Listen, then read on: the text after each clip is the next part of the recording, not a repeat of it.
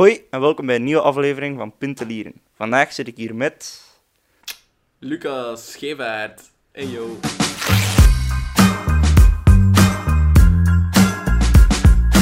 Eerst en vooral trouwens nog eens proficiat met je nominatie voor de Jamies.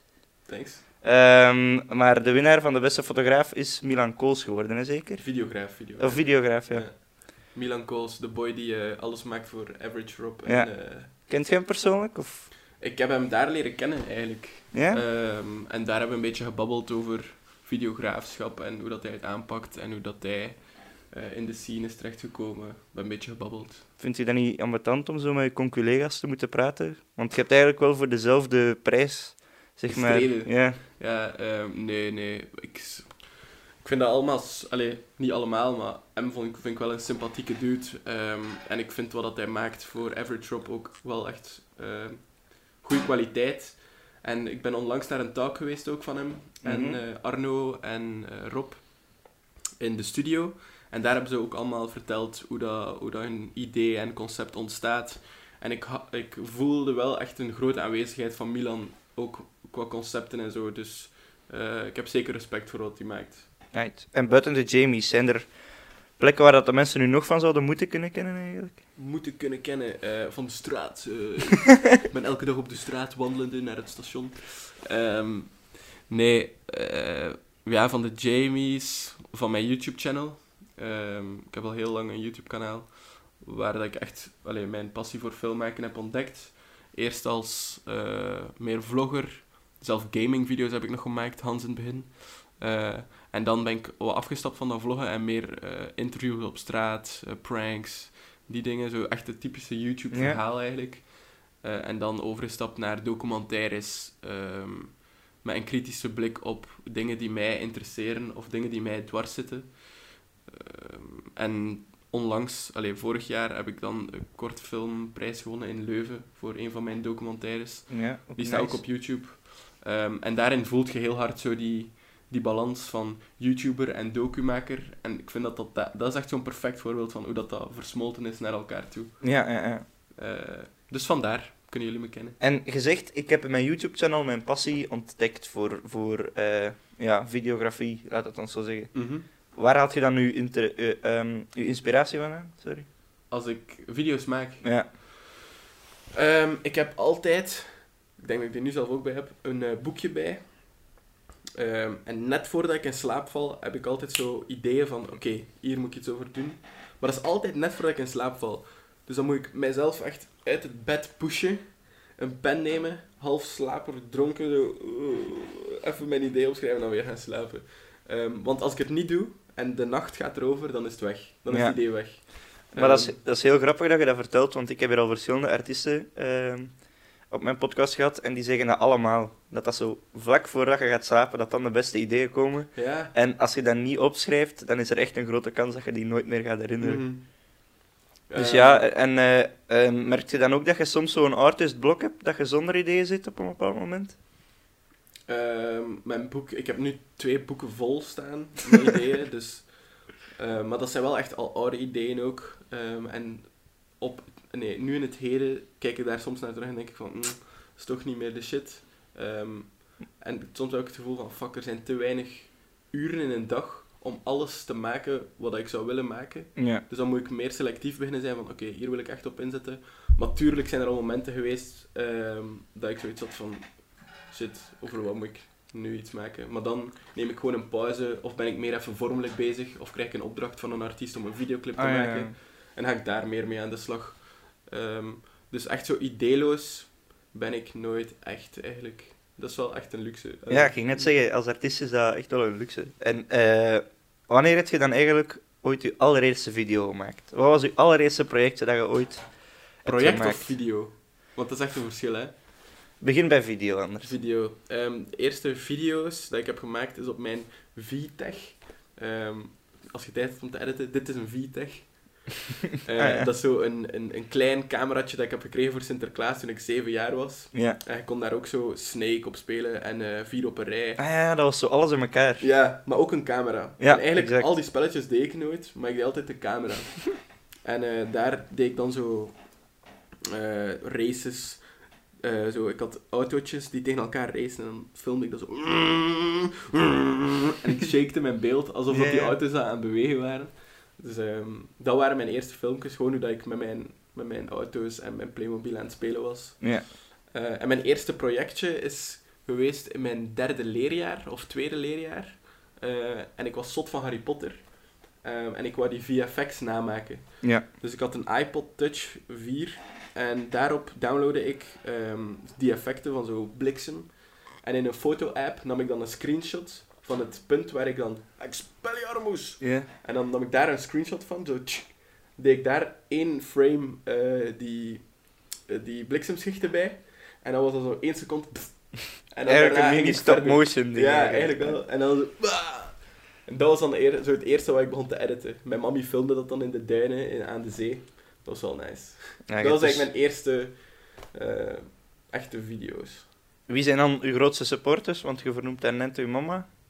Eh, mijn. Dat Ah, is mijn, uw mammy. Dat is mijn oma eigenlijk. Ah, oké. Ehm, mijn grootste supporters... Ja, ik denk sowieso mijn mammy. Mijn mammy is echt, echt een schatje. Eh, mijn ouders ook. Eigenlijk iedereen support me wel echt. Eh, mijn vriendin, ehm, mijn vrienden, eh Asante.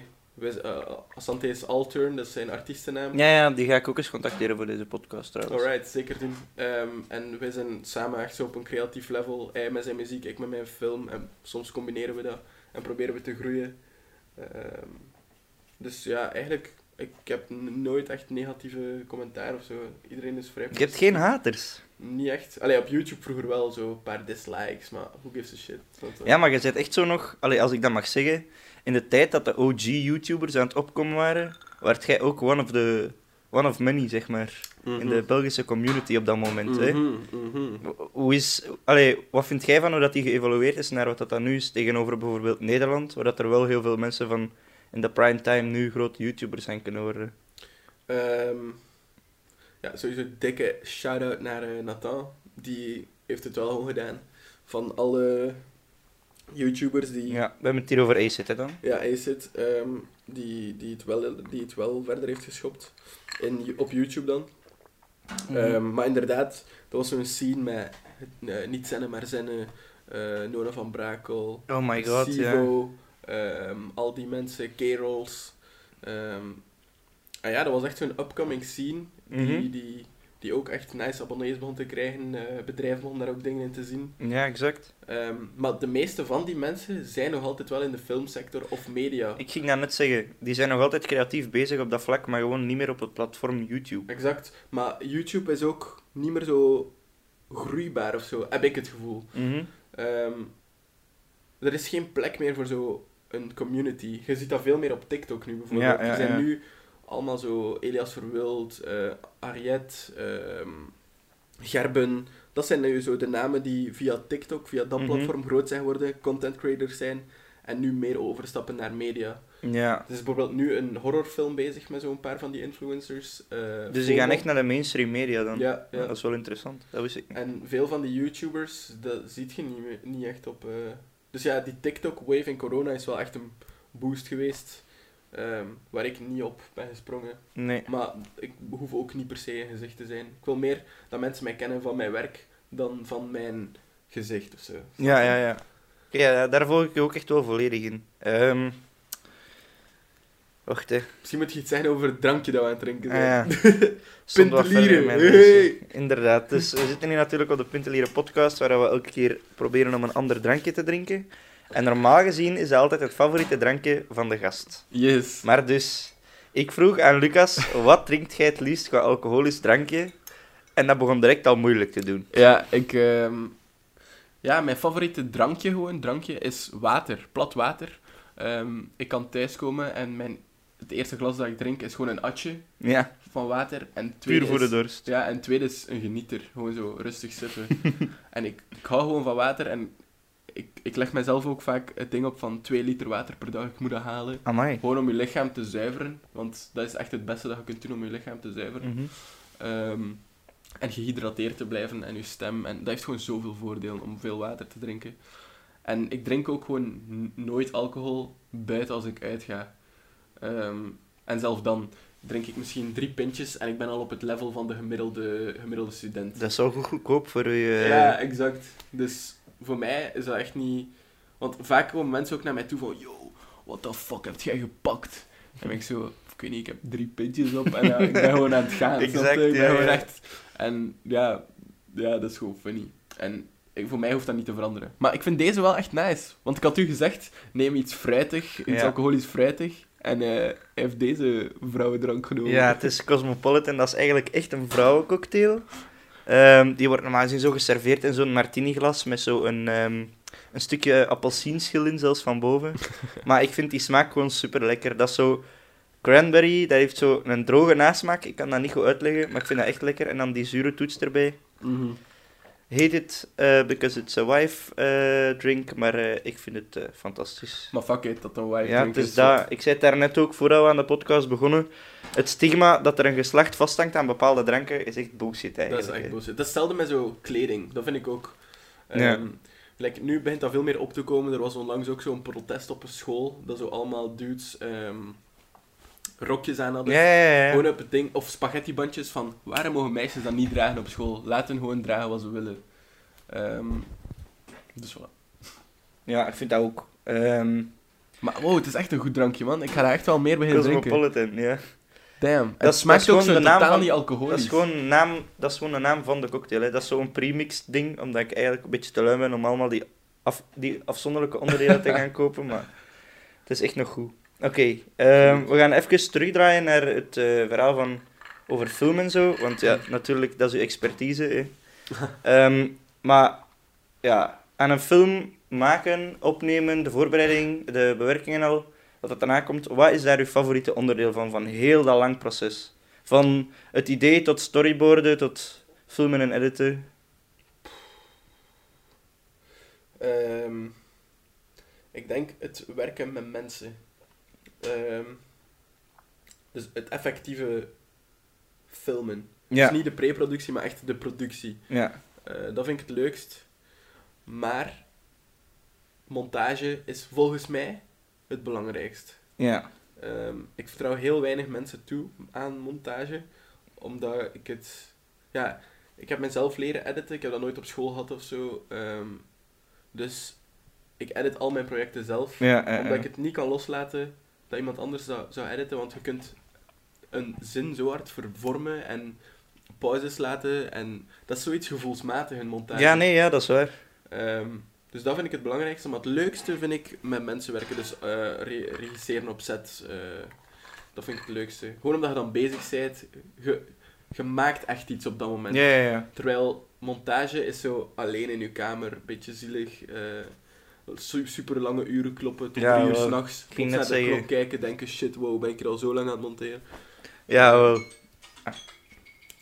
De camera Even checken. camera's checken. Oké, dus we waren bezig over... Waar zijn die zakdoekjes? Ah, hier. Ehm, Maar- ik ben, by the way, verkouden. eh, dus... Je hebt dat misschien al gehoord aan mijn eh, stem. Een beetje ASMR ertussen. Kan geen kwaad. Oké, dus ehm, we waren bezig over editing en zo. Hè. Ehm, ik edit ook nu mijn podcast volledig zelf. En eh, allee, ik heb dat nog niet echt gezegd, maar ik ben ook echt al lang bezig met videografie.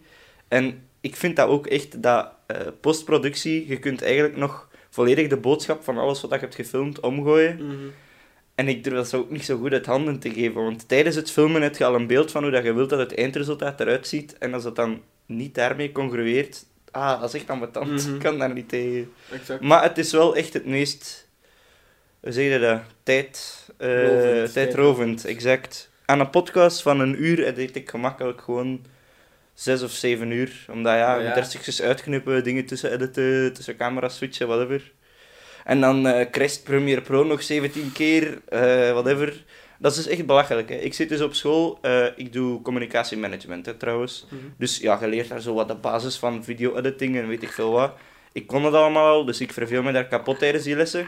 Maar die hebben ons dus verplicht om Pre- Premiere Pro te updaten naar de nieuwste versie. Mm.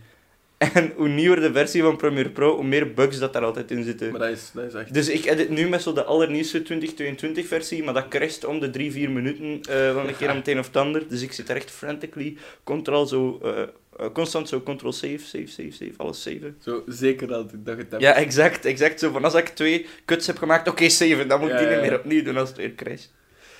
Maar dat is, toch- Ehm, dat is toch belachelijk, want je betaalt je daar eigenlijk blauw aan, hè? Ja, ja, ik heb het nu via het school, het abonnement. Maar eh, inderdaad, er, allee, de helft van de, de scene op YouTube nu bijvoorbeeld, die edit ook gewoon met een cracked versie van Premiere Pro of Sony Vegas, weet ik veel. Mhm. Ehm, ik heb ehm, een tijdje tijdens corona echt veel rondgehangen met de entourage van Nathan van Acid, Mhm. zo zijn mods en zo. En dan ja, heb ik ook met Nathan een paar keer zelf kunnen babbelen. En die vertellen dat zelf ook echt gewoon. Die edit nog altijd op een cracked versie van eh, Sony Vegas, Sony? Vegas. Ja. En die gast heeft 400 zoveel duizend abonnees. Als het werkt voor hem, why not? Ja, exact. Ik heb mijn eerste video's allemaal gemonteerd in iMovie. Oké, damn. Snapte? Eh, en ik heb toen duizend abonnees, dus het boeit echt niet. Ja, het is de content vooral die belangrijk is. Het gaat echt gewoon om de inhoud. Met wat dat je, je tools dat je gebruikt, moet je gewoon zelf aanvoelen. En eh, dan komt het altijd goed. Ja. Oké, Ja, een beetje uitschenken, moet je ook nog wat? eh, ja, graag, doe maar. By the way, het is nu 11 uur 30, maar er zijn twee cijfers op de klok, dus dat is de regel. Dan mocht je alcohol beginnen drinken. Voilà. Oké, ehm, ah ja, daar hadden we het er voor de podcast ook even over. Merci trouwens. Ehm, over materiaal. Mm. Eh, wat is het stuk van eh, filmmateriaal dat jij het meeste geld aan hebt gespendeerd? Want dat is belachelijk duur, hè, gerief voor eh, Ehm, videografie. meeste geld aangespendeerd. Ik heb heel lang, tot oktober 2021, gefilmd op een Canon 750D. Voor de mensen die weten welke camera dat is, dat is legit deze camera. Ja, die, kan, die, die kan 50 fps, maar alleen in 27p. 27p. Dat is echt belachelijk, dat is echt schandalig. Ja. Ehm, en Full HD is de max. Geen logcurves, dus je kunt niks in grading aanpassen. Nee. Dus tot, vorig jaar, oktober, heb ik met die camera alles gefilmd dat ik ooit heb gedaan. Dus mijn documentaire van het filmfestival Oh, is ook met die camera gedraaid. Ehm, en sinds dat ik gevraagd was om mee te gaan met eh, Formule 1, om daar videograaf te zijn, eh, heb ik mijn kit wel aangepast, want ze waren 4K. Omdat de Ah, output van die, eh, van die video's moest 4K zijn, voor op de schermen daar live te tonen. Amai. Dus voor die opdracht heb ik eindelijk mijn nieuwe camera aangeschaft. en ik denk dat dat wel mijn duurste En camera welke was. nieuwste camera heb je dan gekocht? Dat was de R5. Eh, Van? Canon R5. Canon. Ah, je bent dus wel in het Canon-ecosysteem gebleven. Ja, maar het is, ik film niet alles op Canon. Voor mijn eigen projectjes, zo, eh, die videograaf dingen, gebruik ik Canon. Maar als ik een kort film draai, dan huur ik wel gewoon een echte cinemacamera, Ja, ja, met ja. echte cinemalenzen.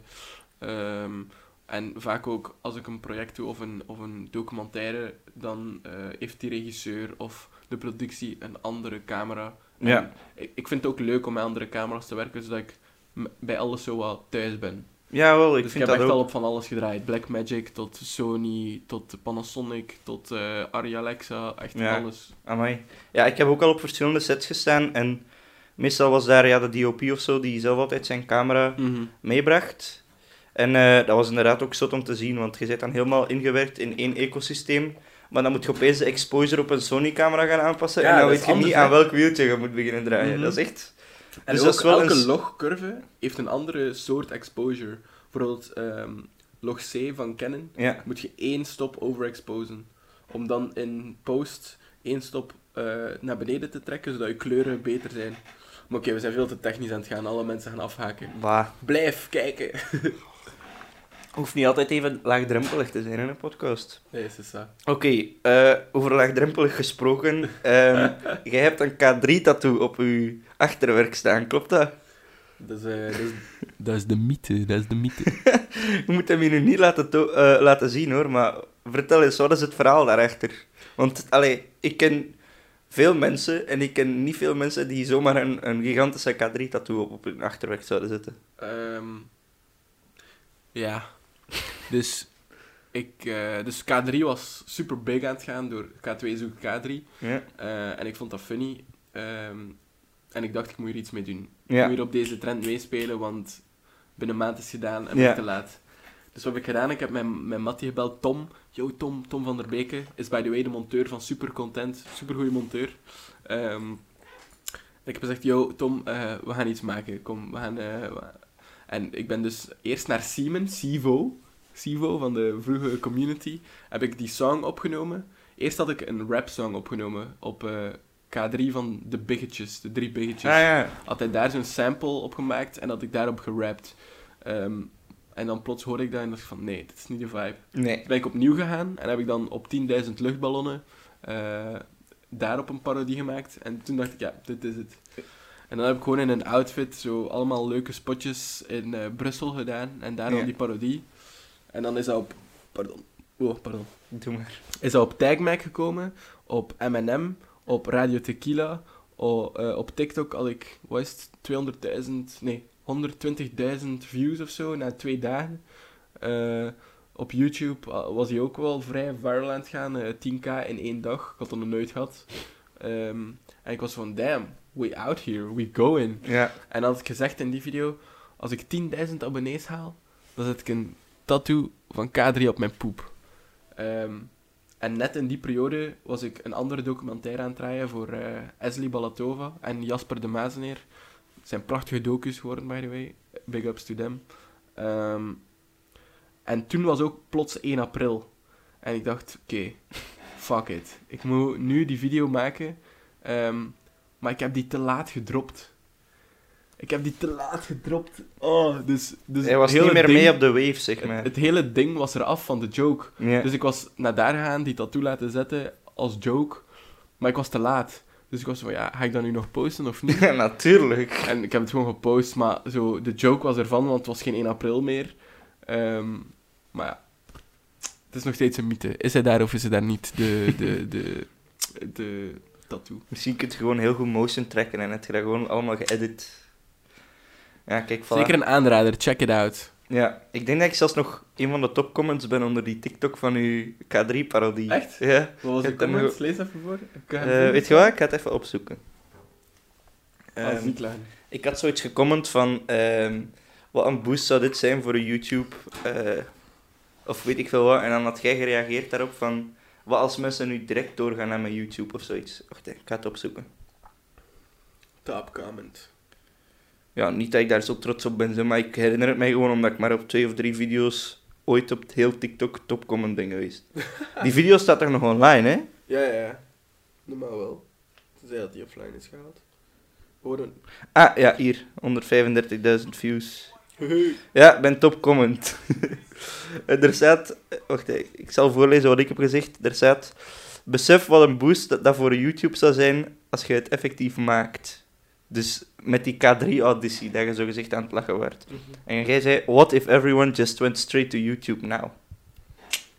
Ja, ik, ik, ik zie TikTok niet als zo een, een blijvend platform, maar meer als zo een algoritme die ervoor zorgt dat je even shine krijgt, wat het ook echt is. Ja. Dus ik probeer via TikTok gewoon zoveel mogelijk door te sturen naar mijn YouTube-channel. Ja, ja, YouTube-kanaal is veel persoonlijker. Ja, ik vind dat ook wel. Je abonneert echt op iemand en je klikt zelf op die video. Bij, bij TikTok scrolt je en je komt per ongeluk op iemand terecht. Dat is echt een verschil, hè. Mhm. Op iets klikken of scrollen en het komt voor jezelf, dat is zo die autoplay. Ja. Dus ook zo een miljoen views op TikTok. Bro, dat maakt niet uit, hè. Het is niet dat jij dat hebt gefixt, hè. Dus TikTok die zelf dat aan mensen toont. Exact. Want je klikt daar niet op, hè. Nee, het is dat. dat, dat komt gewoon zelf erop. Maar het is daarom ook, denk ik, om nu... Hebben het in, de- in het begin van deze podcast al over gehad, waarom dat YouTube niet echt een good investment meer is tegenwoordig. Omdat Mm. gewoon het zoveel moeite vereist om views te halen, Mhm. terwijl dat je op TikTok eigenlijk gewoon, om het cru te zeggen, chance moet hebben. Mhm. En je, je hebt veel mensen die je dingen hebben gezien. Ik zit nu in een opleiding die redelijk marketinggericht is. Dus ik bekijk dat dan heel rationeel van, ja, meer views betekent dat meer mensen je product al eens hebben gezien. En dat is alleen maar een voordeel. Oh, hij is gestopt, denk ik. Ja, maakt niet uit. Die GoPro neemt mij ook op. Oké. Ehm ah ja, die is overvreemd. Ik kom echt vaak tegen met die fucking kut Sony camera, echt waar. Ik heb er alleen maar op gevloekt. Mm. Maar ik heb, ik heb niks van andere camera's, dus dat is mijn eerste investment. eh, een tweede nieuwe camera kopen. Oké. Oké, eh, even terug naar iets anders. Je Ik raad, hier... by the way, echt de R5 aan. Het is echt een prachtig ding. Ja? Ja. Maar hij is wel duur. Jawel, ik ging net zeggen, dat, dat is een mirrorless, hè, zeker? Ja. Eh, Ja. Maar ze hebben nu een nieuwe R5C. Dus de RC noemt dat. En eh, die is ook wel echt insane. Ja, maar ik ben, gewoon, ik ben ook kropsensor gewoon. En nu, ik denk van als ik full frame ga gaan, dat ik echt pas ga merken wat een wereld van verschil Ja, dat maar dat is, dat is echt... Ik, ehm allee, eh, ja, ik ga het er gewoon in laten zitten, hè, dit stukje. Eh, ik ben heel lang fotograaf geweest. Mhm. eh, voor ik, allee, ik was eigenlijk altijd geïnteresseerd in video, maar het geld zit in mijn fotografie. Dus zeker in het middelbare was dat een nice inkomst. Ehm, en als je daar met kropsensor fotografeert, het is weer heel technisch, sorry once again. Maar niet er komt veel minder licht binnen omdat de sensor kleiner is. Mhm. Dus het verschil tussen full frame en crop sensor, tussen zo foto's in het donker in een vijf of zo, whatever, op een vijf, Dat is gigantisch. dat is gigantisch. Ja, dat is echt maar het gigantisch. prijsverschil is ook echt gigantisch Ja. tussen full frame en crop sensor. Maar ik heb gewoon de, de Fastic, de Fantastic, nee wacht, opnieuw. De Plastic Fantastic Ja, gekocht. de 50 mm. Exact. Hey, dat is echt een ding in de, in de industrie, hè. De 50 mm 1.8. ja, eh lekker ding, hè. Voor vijfjes en al, en al die shit. zeker. Alleen het kutte is, als je foto's moet nemen en plots is er zo een vriendengroep en je zit op een cropped sensor Ja. en die zijn zo, eh, neem een foto en je hebt die lens erop staan. Ja, dan moet je echt 10 nice. meter naar achter Ja, lopen om iedereen 10 erop te kunnen krijgen. Ja, kijk, daarom, ik heb echt nog lang met de kitlens gewoon gefotografeerd, omdat ja, dat 18 tuurlijk. mm 3.5 is, dus Gewoon zo die eerste Giro 5 op die 18, eh, Exact. 55. Ja, maar daarna heb ik wel geïnvesteerd in een, eh, ik weet niet of je die lens kent, de Sigma 18 tot 35 1.8. Dat is zo'n art lens, die wordt constant gebruikt door eh kropsensorfotografen in het, nachtleven, in het nachtleven. Sorry. 1835. Ja, en dan eh, ja, eh 1.8, dus 18 mm 1.8, dat, dat is al nice, hè? dat is Mhm. wide angle en hoeveel licht binnen. Maar APS-C hetzelfde als Super 35, toch? Allee, ongeveer. Super 35 is meer vierkant, hè, denk ik. Ja, nee, maar ik bedoel van sensor. eh, ah, van sensorgrootte, ja, dat zal ongeveer Dat hetzelfde is ongeveer hetzelfde. Dus een 35 mm is ongeveer hetzelfde als een 50 op een eh, full frame, denk ik. Wacht, hè. Nee, het is omgekeerd. Nee, wacht. Een full frame, ik weet dat. Ah, ja, ja, nee, 50 nee, dat is op- 35 mm op kropsensor, is 50 mm op full frame. Ja. Ja, zoiets is het ongeveer. Oké, maar back to some eh, shenanigans. Shenanigans. je bent hier toegekomen met je dek, je bent een skater. Ja? Zou je jezelf een skater noemen? Eh, ja, ja. Ik skate wel. Allee, ik ben veel minder aan het skaten ondertussen, omdat ik gewoon mijn prioriteiten op andere dingen leg. En het is ook gewoon België en het regent altijd. Mhm. Eh, dus dat is moeilijk om dat te plannen. Ehm, maar sowieso, ik, in het hart ben ik een skater. Voilà. ehm, mijn vraag daarover is eigenlijk, ik heb dat ook al eens aan eh Yoshi gevraagd, die is er ook gepasseerd en die heeft ook nog een tijdje geskate. Wat vind je van hoe dat de buitenwereld naar de skatecultuur kijkt eigenlijk? Want heel veel mensen, zeker, eh, ik zeg nu maar iets, 40, 50-plussers, als je aan hen vraagt, wat denk je als je een groepje jongeren over straat ziet skaten? Ja, dan zegt hij dat zijn vandalen, die gebruiken sowieso drugs op een veel te jonge leeftijd eh, en die laten altijd alles vuil achter. Mhm. Wat vind je daarvan? Ik vind het altijd moeilijk om zo te spreken over een generatie. Eh, ik denk dat er mensen bestaan die het positieve ervan inzien van eh, de jeugd die ah, ze zitten niet altijd binnen en ze gaan gaan skaten en ze amuseren zich. Natuurlijk heb je ook eh, ja, de Karens en de Patricks eh, van onze society, dat als jij al maar voor hun stoepje skate, dat ze de deur opentrekken en What the fuck, guys, stop me skaten, jullie maken veel te veel lawaai. Dus, ehm, ja, je hebt gewoon, er is een verschil en voor die ene persoon, eh, of die ene groep, oh, voor die ene groep, ehm, wens ik hun gewoon alle liefde toe eigenlijk. Van, Ja. please, vind terug liefde in je leven, in plaats van zo nauwdenkend te zijn en, en te denken dat we alleen maar drugs doen, want veel van mijn vrienden eh, doen niet eens drugs en skaten ook. Die zien dat echt als een sport, willen daar echt groot mee worden. Eh, natuurlijk heb je ook uitzonderingen van dudes die aan het skatepark gewoon alleen joints zitten te paffen, dat bestaat ook. Maar je hebt ook dudes die Latijn wiskunde doen en elke avond joints paffen. Dus Ja. voor mij is dat niet iets dat puur op skaters is, maar gewoon op... Ja, je moet dat daar los van bekijken. Ja. Ja, ik ken evenveel mensen, zeker ehm, in Brussel, die niet skaten en ook drugs doen. Dus Ja. voor mij is dat echt niet iets dat gepinpoint zit op skaters. Eh, waar ik mij daar vooral bij erger, eh, eh, vooral aan erger is, ik heb vroeger, ik heb nooit echt geskate geskate, maar ik heb vroeger heel veel rond het skatepark, rond, rond het skatepark rondgehangen. Amai, ik ben sneller aan het praten dan dat ik aan het nadenken. Dus ik heb vroeger nog veel rond het skatepark rond, rondgehangen, met mijn camera en zo, omdat skaters staan altijd echt zo voor nice foto's en eh, een keer een line te filmen of het een of het ander. Maar wat ik vooral daaraan merkte, is dat dat eigenlijk de meest dankbare mensen zijn. Want er is een skatepark voor hen, die pakken borstels mee om het allemaal proper te, te, te houden. Die ruimen altijd al hun gerief op. Ik snap niet waarom dat mensen naar skaters kijken als vandalen en weet ik veel wat. Omdat dat meestal de meest relaxed mensen ooit zijn. Allee, ik zou veel liever een probleem oplossen met iemand die een skater is, dan iemand die ganse dagen lang gamet en binnen zit en weet ik veel wat doet. Maar je hebt ook altijd wel gewoon ratjes. Ja, Die- natuurlijk, maar... Die, die het niet opruimen. En... Maar dat ligt dan niet aan, dat is een skater. Dat ligt gewoon aan die persoon. En je hebt ook op, op festivals of op eh, de, de Koers van Vlaanderen, wat is daar? De, De Ronde van Vlaanderen, De Ronde van ja. Vlaanderen. Dat, was op nieuws onlangs van, yo, check hoeveel veiligheid dat achterlaten. Dus dat ligt niet aan skaters. Kijk naar jullie veertigers en jullie vijftigers zelf. Check hoeveel afval jullie achterlaten als jullie een evenementje hebben en iets leuk doen. Ik denk altijd van, als je dingen meeneemt naar een plek, je hebt ze mee kunnen nemen, wat is dan het probleem om het terug... mee te pakken. Ja, Ja. je hebt het kunnen brengen naar daar, neem het dan ook gewoon terug mee. Ja. Dude, kom aan. Die effort is echt niet zo groot. En Stad Gent is nu ook ehm, in het Citadelpark ehm, begonnen met het te laten liggen. Normaal Ja, kasten ze alles op. En ze hebben nu zo een protestactie van het stad zelf van... Fuck it, we laten het liggen. Ja. En ik vond dat wel hard van hun. En Ja, dat wel. confronteert de mensen ook van... Op een chillplek ligt het plots vol met afval. Maar vol. Dat was op 14 Nieuws ook. Ik dacht... Ik dat ja, nee, maar ze hebben gelijk, omdat er bij de studenten heel hard de mentaliteit is van, bah, die lossen dat wel op voor ons. Mm. Ehm, iets helemaal anders. Totally different. De, de, the Ramadan, vibe. de Ramadan is nu bezig. Hè? Zou jij daaraan kunnen meedoen? Toen ik dat zag, ehm, dat het terug begonnen was, eh, ook op nieuws. Ik check eigenlijk veel nieuws. Besef ik nu pas. Wow. Ik ben up-to-date. Ja, het zijn, het zijn ook eh, bewogen tijden in de actualiteit, hè? dus het is Ja. goed dat je het volgt. Ja. Eh, Maar dus de Ramadan, zou jij dat fysiek aankunnen?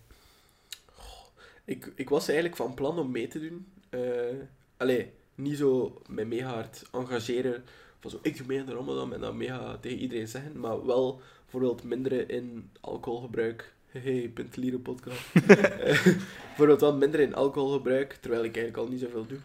Ehm, minder chips eten, gewoon gezonder leven. En ook minder eh, veel uitgeven aan eten. Was ik wel van plan. Ehm, maar ik weet niet. Ik ben nu al te laat met de, met de start en zo. Ja, ja. Ik heb het niet gedaan, omdat ja, omstandigheden. Je gaat dan op een restaurant met je ouders of eh, je gaat iets gaan eten met vrienden. Ja, ja. Dan denk je dan, shit. Ik denk dat dat gewoon veel makkelijker is als je ook echt in die cultuur zit en dat al je vrienden dat ook doen. Ja, exact. Dan, dan zelf Dan heb je zo- ook zo'n beetje die sociale verplichtingen. Exact. Dus, maar ik vind het wel echt iets super moois er allemaal dan. Ja, wel. Bewust te zijn van jezelf en, en, en te beseffen van hoeveel, hoeveel dat je hebt. Ik vind dat echt een mooi gebaar, de Ramadan. Ja, ik vind dat ook. Ik zou dat zelf echt niet aankunnen. Maar ik heb daar ook al eens over nagedacht. Want ja, ik heb de vraag opgeschreven. Ehm, maar ja, inderdaad, daar is totaal geen sociale ondersteuning voor, zeg maar. In de cultuur waar wij in zijn opgegroeid. Dus dat zou echt niet kunnen. maar dat is ook niet van onze cultuur. Nee. Dus eh, ja, ik, ik eis ook dat aan niemand op van, eh, van doe dat. Mhm. Ik denk dat dat iemand zijn eigen keuze is. En ik vind dat super mooi dat dat, dat dat wel ondersteund wordt hier eh, om te doen. Ja. Hoe laat is het eigenlijk? Kwart na twaalf. Allee. Oh shit. Ja, het is daarmee dat ik het zeg. Het komt Of, goed. of rond je liever nu af? Nee, nee. Oké, nog vijf minuutjes. Ehm, nog een paar eh, Even vragen. vragen. mijn neus nog een keer snijden. Ah, doe maar. En dan kunnen we weer verder. Want ik ben echt heel nasaal aan het praten. Mocht dit er ook in laten, hè? dat is real. Dat is kei real. Exact. Ah. Over Real gesproken, kent je de app Be Real? Ja, dat is echt de upcoming. En Wat nu? vind je daarvan? Ik zit er niet op. Nee? Eh, en de enige reden dat ik er niet op zit is van. Ik wil al kei lang weg van alle andere sociale media die mijn aandachtspannen neemt. Want alle tijd dat je verdoet op Instagram is je brein op nul. Ja, En vanaf dat ik mijn telefoon uitzet, denk ik na en doe ik aan zelfreflectie zonder dat je daar eigenlijk... bij eh, stilstaat. Ja, zonder dat je dat forceert in jezelf. Ah ja. Denk je na over je leven. Eh, bijvoorbeeld op de trein, als ik geen internet heb, dan kijk je uit het raam en dan, dan komen ook mijn ideeën eigenlijk. Het is niet Ja. alleen als ik ga gaan slapen, maar vooral als je niet op je telefoon zit, komen nu je beste ideeën. Ehm, dus ik ben zo, ja, Be Real is dan gewoon nog iets. Nee, ik heb, s ochtends als ik me opsta, moet ik mijn mailbox check, checken. Mijn mailbox van school checken. Checken ehm, alle groepschats van, oh shit, is er niet iets dat ik heb gemist eh, dat belangrijk is, ook voor school of bij de skaters, of gaan ze iets gaan doen. Ja. Eh, moet ik Insta checken, ehm, WhatsApp checken, mijn berichten checken. Snap je? Dat is fucking veel prikkels, hè. Mhm. En ik ben zo van, be real, ik zit er niet op. Eh, het is oké, ik ga het niet doen ook. Fuck Ja. it. Allee. Dat is nog iets waarbij ik, dat ik moest scrollen. Ja, wat is dat? Ik heb mijn mening er ook al geuit in een andere, over geuit in een andere podcast. Maar het concept is heel nice. Het is ook gewoon een nice Dat is toevoeging waar, aan onze dat waar. social media. Omdat het is een keer niet iets dat vanuit Meta of Facebook komt. Dus dat weer aan alles vasthangt. Maar het probleem is, het was nice toen het aan het opkomen was. Toen dat het zo nog wat een selectief groepje was dat het had.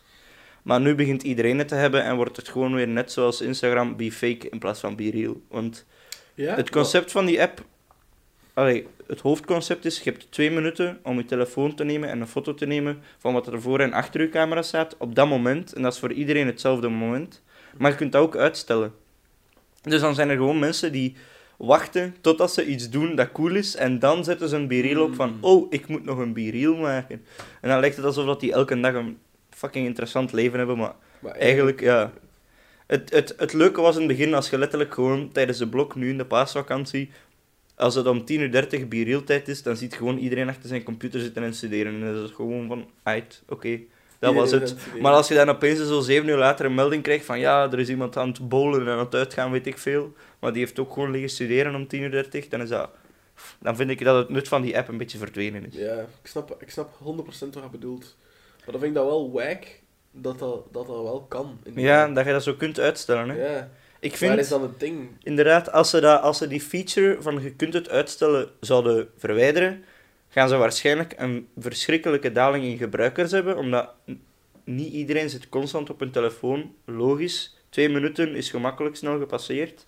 Maar dan zou wel het feit van dat het real is, weer helemaal terug in zijn. Mm. Like, ik weet niet, je kent Casey Neistat waarschijnlijk. Die heeft ooit zo'n... Kent je Casey niet? Tuurlijk, Ah, tuurlijk. oké, dacht al. Eh, die heeft ooit zo een social media app gehad, Beam. En ehm, daarbij kon je een video opnemen, maar je kon niet zien wat er op je scherm stond. Pas als je het postte, kon je zien wat dat had opgenomen. Een beetje zoals een GoPro zonder scherm eigenlijk. Oké. En eh, dat was ook kei nice, maar dat werd gewoon na een paar weken of na een maand was dat direct al terug omzeild. En dan gingen mensen gewoon apps installeren om toch te kunnen zien wat dat ze aan het filmen waren. Omdat, omdat ja, die social media toch weer fake te maken, zeg maar. Mensen zijn te selectief daarin, hè. Exact. Maar Ik heb... dat heb je als maker toch ook, Gerard? Ik ga nooit iets, ik ga nooit iets uitputten van mezelf ehm, zonder dat ik weet wat dat is. Of zo. Snap je? Ja, wel. Ik ben kei selectief in, ah, dit post ik, dit post ik niet. Hm? Ja, echt Toch? wel. Allee, ik probeer wat ik post wel heel real te hebben, maar wel heel selectief te zijn in wat ik post. Like, als ik er zelf niet 100% content mee ben, dan ga ik het echt niet posten. Allee. Ik heb nog eh, één vraagje eigenlijk om af te sluiten. Wat brengt de toekomst nog voor u, denkt je? Als je jezelf binnen een paar jaar ziet, wat denkt je dat je dan tegen dan al zou moeten hebben bereikt? Ik ben lately kei into DJing geworden. Ja? Dus eh, ik denk dat ik eh, misschien binnen een jaar een DJ ben. Ja? maar ik ga sowieso video eh, niet op de achtergrond houden hoor. Dat blijft sowieso mijn main focus. Maar ik vind DJ zo leuk. Holy shit. Gewoon aan een DJ-tafel staan, heel dat publiek mee hebben. Want video is zoiets gemaakt dat. En achteraf heb je publiek in een zaal en die applaudisseren. Ja. En dat is het. Dat is het. Dat is het. Maar als je DJ't, dan is dat instant ehm, achievement dat je hebt. Gewoon Ja. instant zo mensen die aan het gaan zijn. Wah, en wauw, ik word al zo zalig. Maar daar zit het werk hem er op voorhand in, hè, als DJ. Ja, ja. Ik heb eh, als fotograaf heel veel met DJ's samengewerkt. Ik had op een bepaald moment een contract bij een club zelfs in Aalst, dus ik kende daar de DJ's. Eh, ja, die werken ook wel echt hun gat eraf. Maar dat is inderdaad wel... Die halen daar keiveel... eh hoe moet ik dat zeggen? Ja, blijdschap uit om zo je publiek er, erop, Maar erin ja. te zien opgaan. En welke stijl zou je dan zo wat gaan qua DJ? Ik denk zo wat funky, techno, ehm, maar ook zo'n beetje obscuur. Maar toch ook wat meezingers. Alleen niet, niet zo de typische... ehm, whatever, ja, wat, wat zijn meezingers? Laat de zon in je hart. Ja, niet dat. Totaal niet dat. Maar gewoon zo wat nice techno... Mhm. Mm, want ik heb zo'n technolijst op eh, Spotify, Tech. En al mijn matties zijn, zijn echt mega hyped van die lijst van... Yo, hij vindt echt nice techno altijd. Eh, die niet iedereen kent, dus niet zo de Fisher, I'm losing it. niet Ja. dat. Maar wel, wel andere type of techno. Mhm. En ik weet niet, ik denk dat dat wel mijn ding is om te draaien. En onlangs zag ik ook Leonard Wolfs op eh, Tomorrowland Winter. En die guy, holy shit, hoe dat die aan het draaien was. Toen ik hem zag, ik heb hem ook gefilmd toen. Je waart daar. Ja, ja. Jesus, man, je zit all over the place met je camera. Dat is Ja. echt lovely om te zien. Ik was op Tomorrowland Winter als videograaf eh, voor de snippets te maken. Dus zo, ik moest DJ's filmen heel de tijd Ja, en ja. monteren. Ehm, en Leonard Wolfs was ook aan het optreden. En ik kende die dude nog niet. Mhm. En ik was die aan het filmen en heel de crowd was going crazy. Maar dat was niet in zo'n een, een grote zaal. Dat was in een soort après-ski bar. Maar die après-ski bar was open. Dus Ja, ja. dat was zo'n kot, maar dat was met vensters zonder vensters. Ja, ik heb het open. gezien hoe het eruit zag, maar het is Ah, goed voilà. dat je het uitlegt voor de luisteraars. hè, Ja, natuurlijk. voilà. Ehm, en, en er waren lampen en die gingen aan een ketting en je kon die lampen zo bewegen. Ja. Die lampen waren allemaal zo crazy aan het gaan en hij was echt zo, let's go! En, En, dan toen wist momenten je... van, shh, Ja. en iedereen ging naar beneden. En dan op de drop gewoon, bah! en ik, en ik, was, ik, ik vond de vibe daar veel beter dan op de mainstage. En ik moest filmen op de mainstage, maar ik was hem beginnen filmen, omdat ik het zo hard vond. Ehm, en en toen, toen was ik echt zo van, yo, dit is amazing. En dit wil ik ook echt doen. Dus thanks Leonard Wolfs, you're amazing. Dikke shout-out naar hem. Maar ik heb hem al gestuurd op DM, dus hij weet het. Zijn er nog dingen die je aan de, aan de kijkers en de luisteraars kwijt wilt voordat we de podcast afronden? Ehm, Een plug van je social media mag ook. Ja, mijn social media is gewoon mijn naam, maar ik hoef dat niet per se te pluggen. Wie dat mij wil volgen, volgt mij. ehm. maar een echte boodschap is... eh, wees niet altijd bezig met je werk, ook al ben ik wel die persoon. Maar probeer ehm, connectie met mensen vooral goed te houden, want dat is waar je echt van gelukkig wordt. Ehm, dus voilà. En ik word gebeld door een random nummer. Misschien is dat leuk ook voor de podcast. Neem eens op. Hè. Vanuit Luik. Monsieur Hubert? Allô, bonjour, monsieur Hubert. I am not Monsieur Hubert. C'est, c'est pas moi. Donc, eh dude, kijk, wat ik nu net heb gekregen, dat gebeurt één keer in de maand, of twee keer in de maand, dat een random nummer uit Luik mij belt en zegt dat ik Monsieur Hubert ben. En alle nummers, mij, alle nummers dat mij al hebben gebeld, heb ik al geblokkeerd, maar dat Maar- blijft gebeuren. What the fuck? Dat is echt kei random. Maar echt, Misschien was deze niet op zoek naar Monsieur Hubert. eh, ik vroeg het direct al, hè. Ja, je ging Ik wist uit. het, ik wist het. Maar dat is echt... Dat gebeurt Dat heel is de toch tijd. kei leuk. Oké, wat, ehm, ik zie hier ook dat het al eh, redelijk laat aan het worden is, want je staat op een strak schema vandaag. Ja, ik Dus, moet eh, eh, nog gaan filmen straks. Oh, alweer. Ik zou zeggen, bedankt voor het luisteren en voor het kijken. Bedankt ook Lucas om te komen natuurlijk. Mag ik nog één keer mijn... Wacht, dus biedt u uitro opnieuw, hè. Maar ik wil nog één keer mijn zin van wat wil ik zeggen aan de kijker opnieuw doen. Oké, doe maar. Ehm, dus... het- Er is zo'n heel... hoe zeg je dat? Stigma? Nee, hè? Stigma. Stigma. Er is een heel stigma rond eh, het ding van, van ehm, make art every fucking day en grind en eh, wees creatief, wees eh, de beste in uw vak. Doe dat ook, maar maak ook nog altijd tijd voor echte herinneringen, echte dingen. maak tijd voor uw oma, uw opa, maak tijd voor uw mama, uw papa, maak tijd voor uw vrienden, want dat is waar je echt gelukkig van wordt. Ehm, en dat is iets wat ik de laatste tijd te veel links heb laten liggen. Ehm, en dat is kei nice. Je kunt dingen opofferen voor je carrière. Maar geniet ook van de mensen rond u. Want die zien u graag. En als je die verliest, dan eh, maakt de carrière gewoon geen fuck uit. Dus dat is wat ik nog even wat meedelen. Dat is eh, een mooie gedachte om mee af te sluiten. Oké, nogmaals, bedankt bekijkers en luisteraars. Dankjewel Lucas ook om te komen. Dank u Eh. Thibaut om mij uit te nodigen. Pintelieren met een cocktail. voilà. Ehm, ja, vergeet ook zeker niet te abonneren als je op YouTube aan het kijken bent. Of eh, te followen op Spotify of wherever je aan het luisteren bent. En dan zie ik jullie in de volgende aflevering. yes sir.